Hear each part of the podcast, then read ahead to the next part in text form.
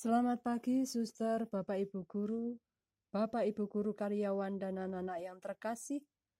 Marilah kita awali kegiatan hari ini dengan mendengarkan dan merenungkan sabda Tuhan.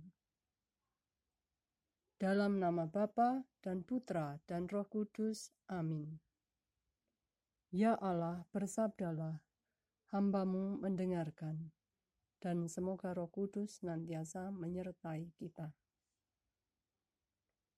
Inilah Injil Yesus Kristus menurut Lukas. Dimuliakanlah Tuhan. Yesus berkeliling dari kota ke kota dan dari desa ke desa memberitakan Injil Kerajaan Allah. Kedua belas murid Yesus menyertai dia dan juga beberapa wanita yang telah disembuhkannya dari roh-roh jahat serta dari berbagai penyakit selalu menyertai dia.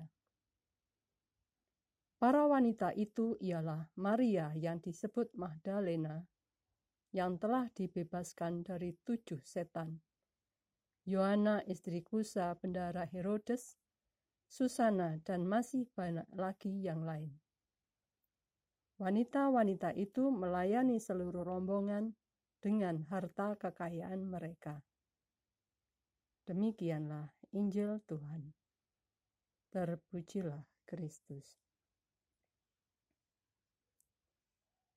Suster, Bapak, Ibu, Guru, dan anak-anak yang terkasih, hidup akan menjadi hampa jika tanpa cinta kasih Tuhan.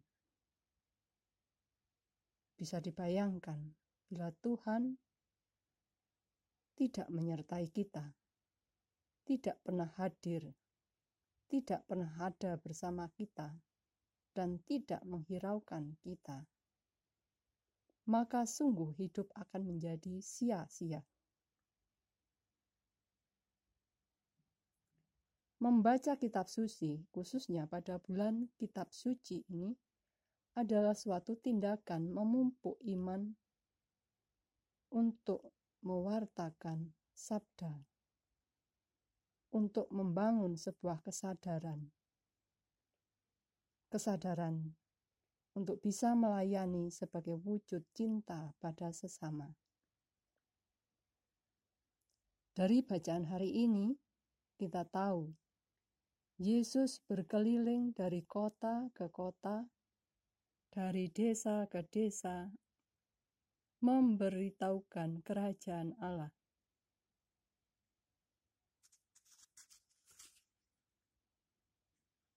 Tak jarang Yesus juga menyembuhkan dan menghidupkan, seakan tak pernah lelah.